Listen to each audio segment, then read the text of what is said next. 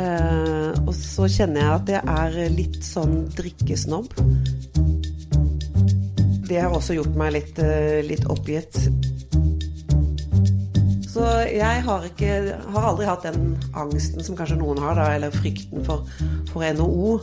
Bak fasaden med DJ og Rønne. En podkast fra Estate Media. Velkommen til Tone Tellevik Dahl. Du er administrerende direktør i Norsk Eiendom og har mange års bakgrunn som politiker, bl.a. som utdanningsbyråd og som helsebyråd. Jeg har hørt at du er veldig interessert i biler. Og ganske spesielle biler. Ja, jeg har kanskje blitt mer interessert i biler eh, etter hvert, fordi mannen min, han jobber med bil. Eh, Og det er italienske biler. Og det er gjerne biler som går fort, og at de er veldig små. Eh, Så ja, jeg sitter mye på i små biler som går veldig fort. eh, I, med italienske bilmerker som Abarth og, eh, og den type ting. Mm. Hva er det forteste du har sittet på? Jeg syns jo det er litt skummelt når det går litt fort, så jeg tror det forteste er litt over 200. Eh, Det klarte han til og med med, med min lille franske Citroën på, på autobanen, men han tror jeg nok har makset hva produsenten klarer å få ut av en liten abort. Så han har kjørt litt fortere enn det, ja. Når vi snakker om eh, mannen din nå, så eh, dere giftet dere jo for eh, to år siden cirka. ja. Eh, og da lurer jeg på, er det du eller mannen din som er litt treg? Med hva da? Å gifte seg? Ja, til å fri. Nei, vi har prøvd det noen ganger før. Så vi er enige om at eh, det er veldig ålreit å gifte seg eh, på nytt i voksen alder. Mm, da vet vi i hvert fall veldig godt både hvem vi er og hva vi liker. Men hva gjør du ellers da, når du ikke tenker på jobb eller eh, politikk eller biler? Jeg er jo glad i å nyte det på en måte storbyen kan tilby, da. Eh, Gå ut og spise noe godt, være med venner er ganske vanlig, altså. Jeg har jo levd et liv før, eh, før Norsk Eiendom som, eh, som fylte både dager og kvelder og helger mye med politikk. Eh, Men eh, jeg liker veldig godt god mat, god drikke, en kino eller teater ny og ne. Bor du i byen, eller? Jeg bor i byen, har bodd på Torshov i 30 år. Der har jeg hatt boligkarriere, da, så jeg har bodd ulike steder der. Så jeg liker veldig godt å bo i by, eh, med alt det det kan tilby. Jeg er jo en sånn person som ikke har lært meg enda å drikke kaffe, da. Men bare å vite at jeg bor i nærheten av en kaffebar eller noe sånt, det syns jeg er viktig. Ikke at jeg kom, er, frekventerer der så mye, men bare at jeg har muligheten. Det liker jeg. Så jeg, jeg kan ikke flytte så veldig langt unna litt mer tette bystrøk, kjenner jeg. Du er jo vokst opp på et lite sted som heter Skudenes. Eh, og så har du vel bodd i Frankrike da du var ung? Ja. Eh, vokste opp eh, i vestvendt periferi, som jeg kaller det. Med masse små, hvite trehus. Men utferdstrangen er jo litt stor for oss vestlendinger. Så da jeg var 16, så søkte jeg for å kunne ta videregående i Frankrike. Og kom inn. Så tre år bodde jeg da i Bayeux, som ligger i Calvados, Normandie, rett utenfor Paris. Så den eh, fascinasjonen over byutvikling og arkitektur med mer, tror jeg startet særlig da. For vi dro jo til Paris eh, annenhver helg, egentlig. Og jeg var veldig opptatt av Hausmanns eh, byutviklingsprinsipper og arkitektur. Så når jeg skulle begynne å studere, så kunne jeg jo vurdere Bergen som vestlending som jeg er. Men jeg måtte til en større by, kjente jeg. Når jeg skulle forflytte meg liksom fra Paris eh, tilbake til Norge, så måtte jeg velge det største Norge hadde. Så da ble det Oslo. Du virker som du har blitt selvstendig ganske tidlig. Ja. ja, det er klart når man reiser hjemmefra som 16-åring. Eh, men ja, jeg, har jo, jeg er jo storesøster, da. Eh, alltid likt å sjefe litt. Det tror jeg det lillebroren min kan svare på. Eller svare bekreftende på.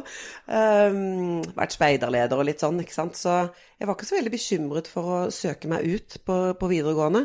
De fleste dro ut til USA da på high school, det var veldig poppis på 80-tallet. Og så tenkte jeg at nei, jeg skal ikke gjøre som alle andre. Og så så jeg denne lille notisen, da. Tre år i Frankrike. Så da jeg kom inn, så, så dro vi nedover, da. Noen uh, Vi var seks jenter på kullet mitt. Det er en sånn avtale mellom Norge og Frankrike som har uh, pågått i 40 år. Så det var et utrolig klokt uh, valg, tenker jeg. Både ved å kunne kjenne på et annet utdanningssystem, lære språket ikke minst, og ikke minst den franske kulturen, eh, som sikkert også preger Ja, nå preger det jo i og for seg det startet på en måte lysten og nysgjerrigheten på byutvikling og arkitektur. Men uh, min mat- og drikkeglede, den ble jo selvfølgelig også uh, Den startet vel også der da. Det har jeg tatt med meg videre med i livet. Mm. Når du skal da ut og drikke og spise her i Oslo, hvor går du da? Jeg prøver jo å være litt nysgjerrig på nye steder. og så kjenner jeg at jeg er litt sånn drikkesnobb. jeg vil helst ikke Jeg vil helst drikke Eh, bobler, eh, bobler, men ikke Prosecco, for det er bare musserende vin. Jeg må drikke cava cremante eller champagne, for det er ekte champagne. Eh, så ler vennene mine litt av meg at jeg, hun påstår hun ikke drikker Prosecco. Men hvis det er tomt for champagne, og det er fortsatt liv på nachspielet, så tyr jeg sikkert til en Prosecco, men det er ikke det jeg starter med. Nei, det er ikke det. Så jeg er litt drikkesnobb, eh, og det får jeg skylde på de årene i Frankrike, rett og slett. For da var franskmennene veldig opptatt av at vi skulle bli godt kjent med og like godt den franske maten og den franske drikken. Men for du Du sa at du var litt sjefete. for du sjefet litt uh, i norsk eiendom? ah, jeg får spørre mine medarbeidere. Nei, vi er så få, vet du. Og vi er så mange nye. Så vi Jeg prøver i hvert fall å, å, få til at vi jobber mest mulig sammen. Uh, rett og slett. Det man jobber selvstendig, men vi er et fint lite team. Så, men må det, må det, tas en beslutning, så tar jeg den. Jeg er ikke redd for å, for å ta en beslutning. Brekkhus advokatfirma rådgir norske og internasjonale kunder innen en rekke sektorer. Våre eiendomsadvokater kjenner eiendomsbransjens muligheter og utfordringer, og bistår ulike aktører i utviklingsprosjekter, transaksjoner, megling, utleie og tvisteløsning. Vil du høre mer? Kontakt oss på post at breikhus.no. Du var jo byråd i det rød-grønne byrådet til Raymond Johansen i Oslo, og da må jeg spørre, hvordan klarte dere å gi byutviklingsbyråden til MDG etter at Raymond hadde lova 100 000 nye boliger? Ja, øh, det er jo en del av en kabal som skal gå opp da, mellom tre partier. Ja. Eh, hvor alle skal føle at de får noe som er viktig for dem. Samtidig som eh, eh, kjøttvekta også betyr litt hvor mange byrådsposter man kan få. Så det er et resultat av eh, forhandlingen vi hadde på Østmarksetra i, i 2015. Så selv om mange i Arbeiderpartiet gjerne skulle sett at det var vi som hadde byutvikling, så er det det som ble, ble løsningen. Og jeg ser at det fortsatt er løsningen. Mm. Vi vet jo da at du har bakgrunn fra politikken, men hadde du noe eiendomserfaring eller ja, fra privat sektor? Nei. Vet, min yrkeskarriere det har vært uh, innen forskning og utdanning på Universitetet i Oslo. Så mine første møter med eiendom og eiendomsutvikling og byutvikling, det kom da jeg ble leder av, by, av bydelsutvalget på Sagene ved årtusenskiftet. Og det var en periode hvor um, bydelen egentlig var på starten av en voldsom transformasjon eiendomsmessig. Ehm, så ehm, det var en tid hvor eh, det var veldig mange aktører som hadde ulike planer. Ehm, så mange planer, og det var planlagt 6000 boliger sånn rundt 2001. 6000 boliger, og da fikk jo vi lokalpolitikere litt panikk. For ikke var det skolekapasitet, og ikke var det barnehager, og hva var det bystyret tenkte på her, og plan og bygg. Men da husker jeg Ellen Vibe sa, som da var direktør i etaten, at det, nei, nei, nei, men det er, det er, bare halvparten av de planene som kommer fra indre by, som egentlig realiserer seg. Og da sa vi at men jeg tror du tar feil, fordi vi som har, er småbarnsfamilier nå, jeg var det da, eh, vi liker oss på Torshov, vi vil gjerne ha boligkarriere her. Eh, så der tror tar, der tror jeg dere tar feil. Og det gjorde de, fordi alle de 6000 boligprosjektene med Grefsen stasjonsby og hele Lillo og ja, langs Akerselva, mm. de ble realisert de neste 10-15 årene. Og jeg brukte mye tid sammen med eiendomsutviklerne for å eh, snakke med dem og lære, eh, sånn at vi også kunne gi gode høringsuttalelser. Men hvordan fikk du da jobben som sjef i Norsk Eiendom? Jeg søkte på den. Eh, og jeg må jo innrømme det, jeg sa det jo også på intervjuet, at jeg, eh, når jeg så den kom opp i, i varselet mitt da, på finn.no, så måtte jeg google norsk eiendom. Eh, er det litt dårlig tegn, egentlig? Eh, nei, men det er litt sånn når du er politiker og har ansvar for et fagfelt, så er du veldig inne i den fagbobla di. Eh, og selv om du har bladd igjennom Aftenposten og Dagens Næringsliv osv., så, videre, så har du dine fagpolitiske briller på når du, når du blaffer igjennom eh, mediene. Så jeg legger litt eh, ansvaret på eh, at jeg var i de ulike boblene uh, i forkant. Uh, men når jeg da googlet da, og så hva det var, så slo det meg at jeg har kanskje hørt om det. Men det var ikke på min radar før jeg søkte, nei. Det var jo folk som var skeptiske til noen med bakgrunn fra politikken, og som nå har blitt ganske positive. Hvilke fordeler er det du har med din bakgrunn i en sånn organisasjon? Tror det handler veldig mye om hvordan man jobber med myndighetsarbeid. Eh, hva som kan være lurt å gjøre, hvem man bør kontakte, hvilke alliansepartnere man bør ha. Hva som er klokt å vektlegge i møte med politikere. For jeg har selv sittet på den andre siden av bordet og vet hva jeg ikke gidder å høre, eh, men hva jeg er veldig opptatt av å høre hvis man skulle, skal foreta en handling, da. Ehm, så det tror jeg eh, er nyttig. Og så jobber jo politikere kanskje litt annerledes med synlighet. Mm. Som jeg har tatt med meg inn i, i, norsk eiendom. Ja, For du har vært veldig synlig. ja, ja, og det var litt av oppdraget jeg fikk også av styret da de ansatte meg. Eh, målet deres eh, Altså, de ville gjerne bruke dette planlagte skiftet da, av direktør, for det var jo planlagt, eh, til å øke synligheten og gjennomslagskraften til foreningen.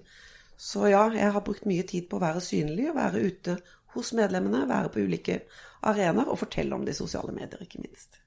Mm. Men hvordan var det da, for du hoppet jo fra en rød-grønn bakgrunn av Arbeiderpartiet og inn i en eh, NHH-organisasjon, og en ganske jålete og pengesterk eiendomsbransje? Jeg er ganske jålete, da. En dag uten leppestift er en dårlig dag. Uh, nei, altså uh, Hva skal jeg si? Uh, NHO er en utrolig viktig organisasjon i norsk arbeids- og næringsliv. Det er en del av trepartssamarbeidet. Um, og bransjeforeningene der er helt avgjørende samarbeidspartnere både for arbeidstakersiden, men ikke minst for myndighetene. Så jeg har, ikke, har aldri hatt den angsten som kanskje noen har, da, eller frykten for, for NHO. Og som med min bakgrunn fra Arbeiderpartiet, så er man ganske plassert midt i det politiske landskapet. Mm. Opptatt av at man må skape før man kan dele. Eh, to tredjedeler av norske arbeidstakere jobber i privat næringsliv. Så nei, den det, jeg, jeg, var ikke bekymret for det. Jeg hadde ingen liksom, betenkeligheter med å søke på en stilling innenfor NHO-systemet. Tvert imot, egentlig. Jeg har jobbet så mange år i offentlig sektor at jeg tenkte dette er bra å, mm. å komme på, på skapesiden. Har du fått noen kommentarer fra gamle partifeller? Ja, eh, noen. Men kanskje mest fra, fra den svært eh, den pressen som er ganske langt ut til venstre, da. Ja, jeg har sett, jeg har Klassekampen har vel, har vel, skrevet veldig mye om hvor, hvor, hvor, eh, hvor, ille det er at folk jobber i NHO, men takk og lov at vi har et ordnet arbeidsliv i dette landet, at vi faktisk har NHO og trepartssamarbeidet. Så mm. nei, jeg tror de fleste skjønner at uh, dette er foreningsliv på vanlig måte. Jeg verver medlemmer, jeg besøker medlemmer, vi driver med medlemsservice, akkurat som vi gjør i Arbeiderpartiet eller Natur og Ungdom. I tillegg til at vi jobber da selvfølgelig for en sak som, eh, som berører de aller, aller fleste av oss. For vi både bor og jobber i bygg. Da tar vi en kort pause for å minne om at BN Bank er spesialisten på finansiering av næringseiendom i Oslo-regionen. BN Bank er en rendyrket eiendomsspesialist og kjennetegnes av hurtighet, fleksibilitet og forutsigbarhet. Gode løsninger sikres gjennom medarbeidere med høy kompetanse og sterke relasjoner til kundene. Kontakt BM Bank nå. Er det noe som har overrasket deg litt over eh, denne bransjen? Hmm. Eh, ja, eller overrasket Jeg blir i hvert fall veldig inspirert og engasjert over eh, innovasjonsviljen, da. Eh, og Eh, kompetansebredden egentlig til eiendomsfeltet. Mange tenker kanskje at det handler først og fremst om mye finans, eller at det er noen bygningsingeniører liksom som styrer dette. Men eh, de som jobber i eiendomsbransjen i dag, er mye mer mangefasettet sånn faglig sett. Og det, det, og det, vil jo også, tror jeg, skape bedre byer og tettsteder ved at flere ulike yrkesgrupper jobber med utvikling av bygg og deres påvirkning av nærmiljøene. Så det, har, det inspirerer meg egentlig hver dag når jeg lærer nye ting som medlemmene våre jobber med, av ulike tekniske løsninger eller samfunnsmessige utfordringer. Men var det mye å sette seg inn i for Ja. deg? Jo, altså, ikke sant. Eh, Jeg har jobbet mye med tidligfase. fase. Så det er klart at alt som handler om eiendomsdrift, og mye som handler om skatt, det kunne jeg jo ikke. Så det har jeg måttet liksom eh, sette meg litt inn i. Så nå kan jeg nok til å snakke med statssekretær i Finansdepartementet om de underligste ting innenfor skatt og MVA. Eh, og så er jeg kanskje fortsatt enda litt mer trygg når det, når det gjelder eh, plan og og tidligfase. Men jeg søker jo hele tiden jobber hvor jeg kan lære meg nye ting, da. For det tenker jeg uansett er viktig. Ja. Hvorfor er det så gøy å jobbe med eiendom? Jo, fordi det påvirker eh, hverdagen vår egentlig gjennom hele døgnet. Vi bor i bygg, og vi jobber i bygg, og vi går forbi bygg, og vi besøker bygg. bygg. Eh, og så har de ulikt eh, innhold.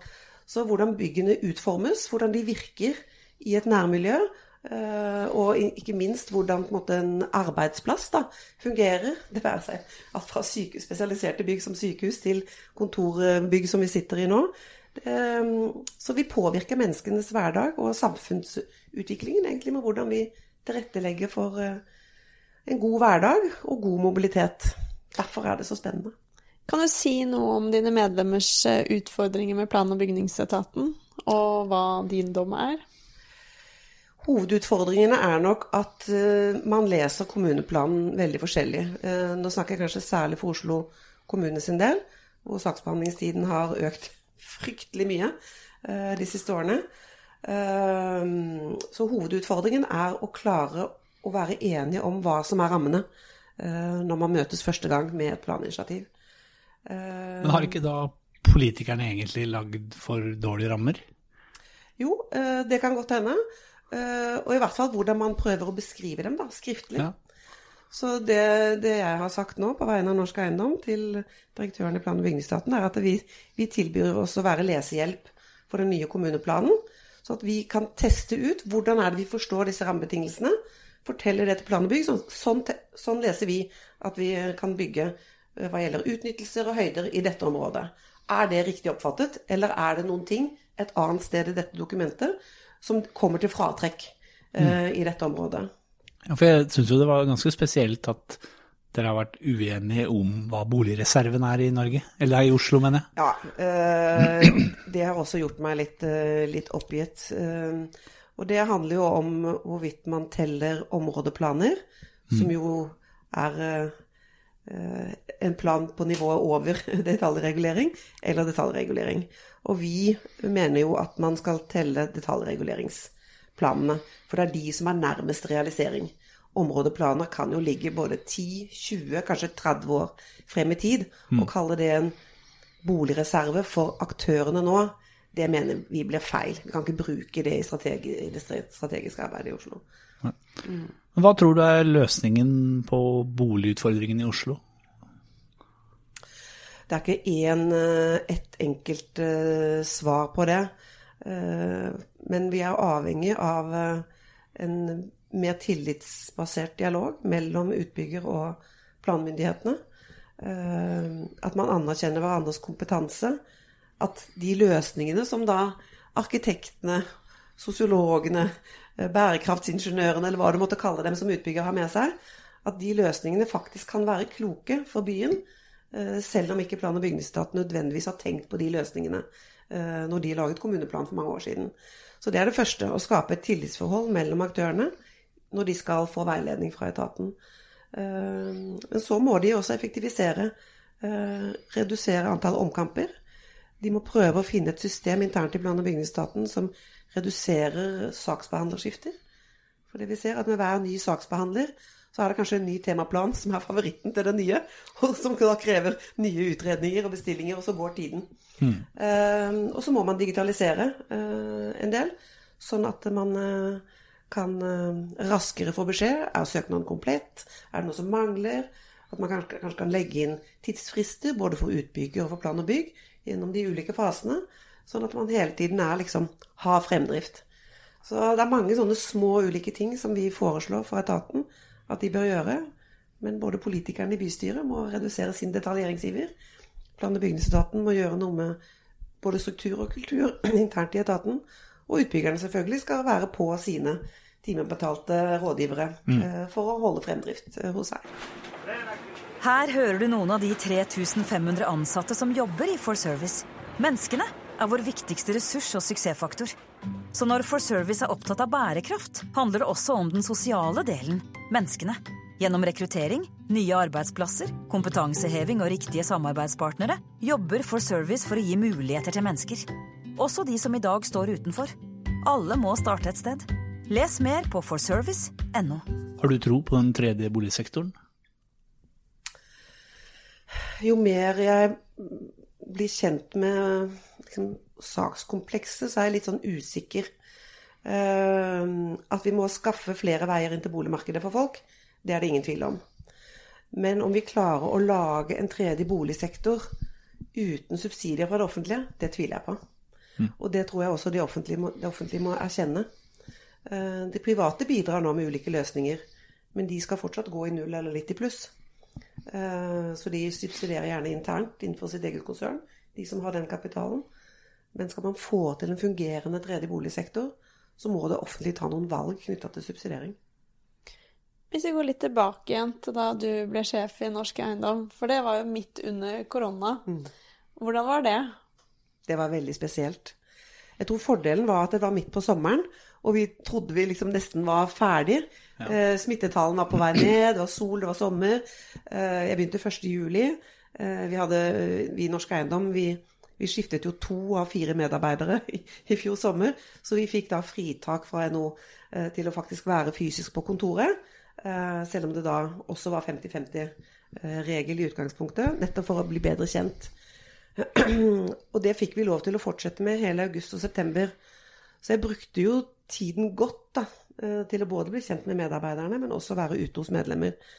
Ehm, Så heldigvis for det at eh, jeg rakk den der lille luken med sånn halvåpent eh, samfunn eh, akkurat da. Men det er klart det er krevende å komme ny i jobben og ikke kunne sitte sammen med kollegaene sine og spørre litt sånn løst og fast ut i lufta. Vi sitter i åpent landskap da, når det er ting jeg lurer på, eller å faktisk besøke medlemmene. Så det har vært litt krevende for oss, men vi har jo, vi har jo jobbet effektivt og mye. For det har krevd mye også av foreningen, som jeg håper medlemmene også føler de har hatt nytte av. det. For jeg ser dere har hanka inn en del nye medlemmer det siste året. Hvordan har dere fått til det i pandemien? Ja, ja ikke alt er på en måte vår aktive fortjeneste, men jeg håper jo at uh, munn-til-munn-metoden, altså at, at eh, dagens medlemmer snakker om uh, medlemskapet og viktigheten av å være medlem i en bransjeforening som Norsk Eiendom, kan bety noe. Økt synlighet, eh, og at vi har vært ute på ulike arenaer, eh, kan ha betydd noe. Og så har vi jo aktivt også oppsøkt eh, virksomheter hvor vi har bedt om å få en prat, og presentert Norsk Eiendom, som har ført til medlemskap. Så vi må jobbe på, på, på flere fronter for å få medlemmer. Men nå har jo styret sagt da, i mange år at vi skal vokse med 10% hvert år. Eh, Så vi har jo en sånn stående bestilling da, fra styret. Mm. Og jo større vi blir, jo mer krevende blir den 10 men, eh, men, eh, Og vi klarte det ikke i koronaåret i fjor, eh, av ulike årsaker. Eh, Men vi, men vi får en sånn 25 medlemmer eh, i året. I fjor fikk vi det, og vi er på god vei til å nå det tallet i år. Men så er det også noen medlemmer man mister. Det, men vi håper jo at vi skal vokse. Hva er det som gjør deg ordentlig forbanna? Eh, urettferdighet og folk som ikke kan sine fakta. Uh, det, det, det gjør meg skikkelig irritert. Uh, når folk bruker eh, informasjon feil, på feil måte. Det irriterer meg. Og det handler nok litt om at i politikken så eh, så skal man jo prøve å skape nye ting basert på, på kunnskap som finnes tilgjengelig. Og så er det selvfølgelig politikernes privilegium å veie ulike fakta opp mot hva som er viktigst. da. Men uh, hvis man begynner å lefle med hva som er faktaene, da blir jeg irritert. Uh, da sier jeg fra. Uh, Har du sett mer og mer av det i politikken? Vi har jo sett det internasjonalt, i både USA og eh, Storbritannia. Ja, det er, det, er, det er ikke, heldigvis ikke like ille i Norge, syns jeg, da, som i USA. Men det er tendenser til at man lefler litt mye med fakta. Eh, Jeg tror jeg kanskje er litt preget av at jeg kommer fra universitetssektoren, hvor man jobber mye med hva som er eh, sannheten. ja. Eller hva som er faktum, da. eh, I, og når man kommer fra matematisk, naturvitenskapelig eh, miljø i tillegg, så er det jo noen sannheter som er mer sanne enn andre. Så det tror jeg kanskje preger meg litt eh, når jeg blir irritert over at folk ikke kan tallene sine eller kan faktaene. For da får vi ofte feil løsninger hvis vi bruker informasjonen feil. Så det gjør, gjør meg irritert. Men sånn generelt urettferdighet, det, det berører ikke bare hodet, men hjertet også, da. Mm. Da kan jeg bli ganske opprørt. Hvis du skulle gjort noe helt annet, hva hadde det vært? Sånn jobbmessig. Ja. I all verden. Jeg vet ikke. Um, alle i min familie, bortsett fra meg, er utdannet pedagoger. Um, så, så, noe med formidling eller på, å snakke, det tror jeg jeg måtte ha gjort. For jeg er litt for glad i å prate om ting. Og så er jeg veldig eh, Jeg kaller det vitebegjærlig. Både nysgjerrig og, og, og opptatt av å tilegne meg ny kunnskap. Og det å kunne formidle den type ting. Det må ha vært noe innenfor det. Eh, men eh, ja, nei, jeg har liksom ikke tenkt på det. Jeg har liksom tatt de, de mulighetene som har kommet forbi. Men jeg må formidle noe. Ja. Men kunne du tenkt deg å gjort noe i eiendomsbransjen etter at du er ferdig med Norsk Eiendom? ja, det kan godt hende. Uh, absolutt. Hvilken type rolle da? Ja, altså, da må det være noe innenfor formidling, da. Eh, hvor jeg kunne bidratt innenfor eh, Og nå er det jo blitt så populært, nå skal alle kommunikasjonsdirektører jo også bli sånne bærekraftsdirektører. Eh, og det å jobbe med bærekraft, som vi jo alle må gjøre fremover, ikke bare den økonomiske og miljømessige, men den, ikke minst den sosiale, der tror jeg faktisk at jeg kunne ha noe å bidra med. Også fordi jeg har vært jobbet med politikken på det sosiale feltet, så har jeg mye fakta om hvordan folk har det. Mm.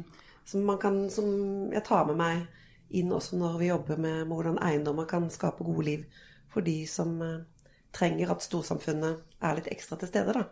Og det trenger ikke være gjennom offentlig tjeneste. Det kan også være med hvordan vi bygger og tilrettelegger byen. Bak fasaden med DJ og Rønne. En podkast fra Estate Media.